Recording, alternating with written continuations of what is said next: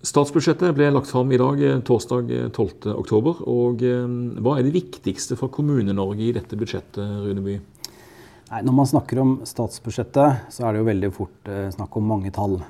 Og, og, slik sett så er jo da de inntektsanslagene som nå regjeringen legger, legger, frem i forhold til hvor mye penger vi får i 2018, som er noe av det aller viktigste.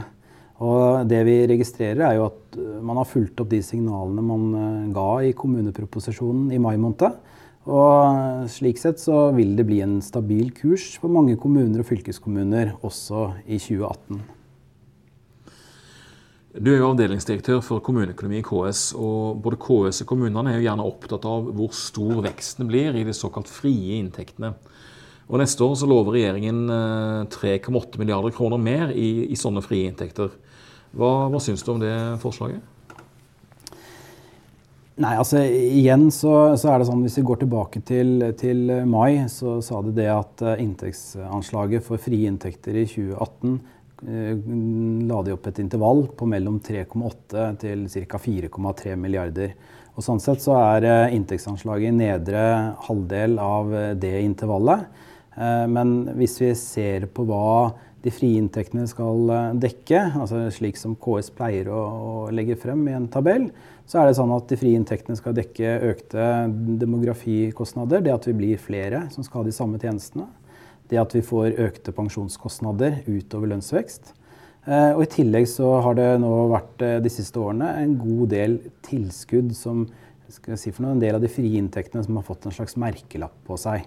Dvs. Si at regjeringen signaliserer hva de ønsker at eh, kommunene skal, eh, skal eh, satse på i 2018.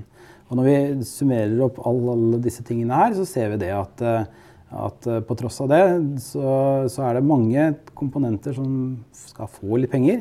Men vi sitter fortsatt igjen med et positivt handlingsrom på litt i underkant av en halv milliard.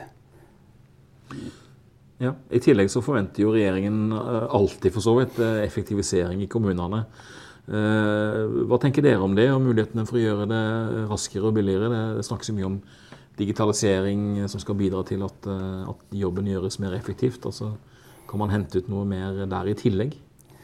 Nå tror jeg vel at Hvis du snakker med en økonomisjef eller rådmann i en kommune, så vil, man, så vil de se på deg og si at ja, men dette er noe som vi gjør hvert eneste år i forhold til å få budsjettet vårt i balanse.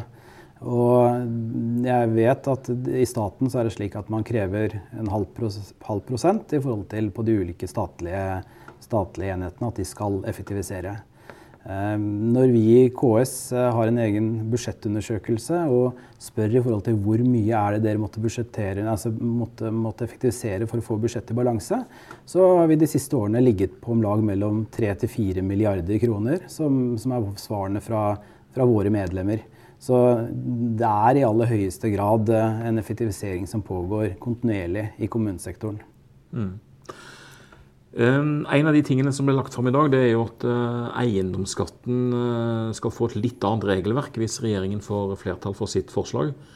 Ehm, det skal bli eh, en lavere sats for de kommunene som introduserer eiendomsskatt, og så skal det kunne øke eiendomsskatten saktere enn det kan i dag. Ehm, det er jo foreløpig tidlig, men, hva kan du si litt om dette forslaget?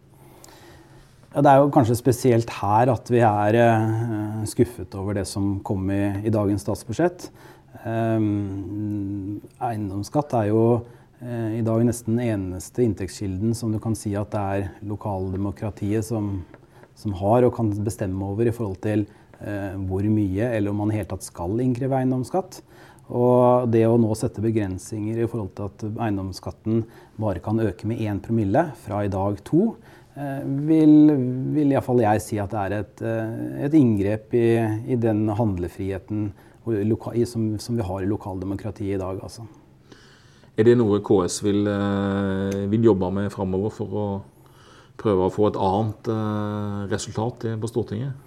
Ja, dette er i hvert fall en av de tingene som vi kommer til å ta med oss til Stortinget når KS skal på høring nå i første omgang til finanskomiteen. Eh, men det vil også helt sikkert bli et tema på veldig mange av de fylkesvise konferansene som nå skal være rundt omkring i landet de neste ukene. Et annet aspekt med eiendomsskatten er jo den litt mer langsiktige prosessen som har pågått med å redusere i praksis eh, inntektsgrunnlaget for en del kraftkommuner med endringer i regelverket. Eh, og Der er det kanskje litt tidlig å konkludere, men, men, der er det også slik at dagens regjering åpenbart jobber for å redusere inntektsgrunnlaget for kommunene.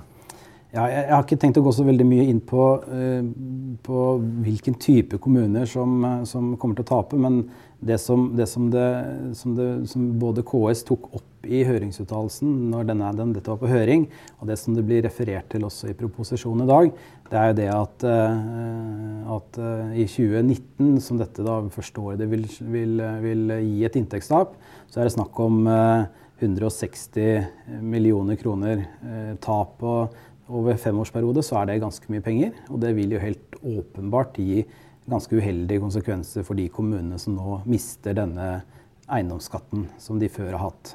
Mm. En annen viktig strid eh, mellom en del kommuner i alle fall, og staten det har vært spørsmålet om momskompensasjon for boliger som har vært mynta på folk med, med psykisk lidelse rusproblemer. Eh, og diskusjoner om, om, kommunene kunne få, eh, få momsrefusjon. Blir den striden løst med dette statsbudsjettet? Vi, vi, håper det. Altså, det har vært sånn at eh, KS har tatt dette opp i ganske mange konsultasjonsmøter. Vi har eh, også hatt eh, både en utredning som vi har sett på dette her, og også skrevet et ganske et brev til departementet som har gått i flere runder frem og tilbake. Og som du også vet, så var det jo også et anmodningsvedtak fra flertallet på Stortinget om dette her fra mai måned. Og, og, slik vi leser proppen i dag, så, så syns vi at det er ganske positivt, den klargjøringen som Finansdepartementet nå kommer med eh, i forhold til eh, merverdiavgiftskompensasjon for rus- og psykiatriboliger. Og da blir løsningen hvordan? Det vi, det vi, det vi oppfatter, er at de, de, de, vil ikke lenger skille mellom ulike former for funksjonsnedsettelser. Det betyr at både, at at både fysisk, psykisk og kognitive funksjonsnedsettelser vil kunne omfattes av regelverket. Og det anser vi som et ganske langt steg i forhold til det som vi, og, eller som KS og kommunesektoren har bedt om. Mm. Så her virker det som om kommunene har vunnet fram i, i denne disputten som særlig har vært mot skatteetaten, egentlig. Ja, altså vi har vunnet fram. Vi har fått et tydeligere, forhåpentligvis et tydeligere regelverk, sånn at det skal bli lettere for kommunene å skille mellom hva som man har krav på i forhold til moms, og hva man ikke har krav på. Mm. Er det andre enkeltpunkter i, i, budsjettet som er lagt fram, som du så langt har uh, bitt deg merke i, som uh, er av interesse, uh, særlig for, for kommunene? Altså hvis vi tar kommunene først, så er det jo den striden som dere også i Kommunal Rapport har slått opp, dette med, med innføring av bemanningsnorm og pedagognorm i barnehagene. Nå er jo for så vidt den på høring, eh, og heller ikke avsluttet ennå. Så, så, slik sett så kan man jo fortsatt få et annet resultat. Men det, det som er verdt å legge merke til, det er det at for å få denne fullfinansiert i 2018, så mangler det egentlig bare 100 millioner kroner. Og det anser vi som et svært viktig poeng som vi ønsker å ta med oss inn i, i møtene med Stortinget. Eh, og det som er her, er jo det at det er jo 2019 og 2020 de store tallene kommer. Og som vi har signalisert at eh, i 2020 så vil det være underfinansiert med 1 milliard. Men i 2018 100 millioner som, er, eh, som det mangler.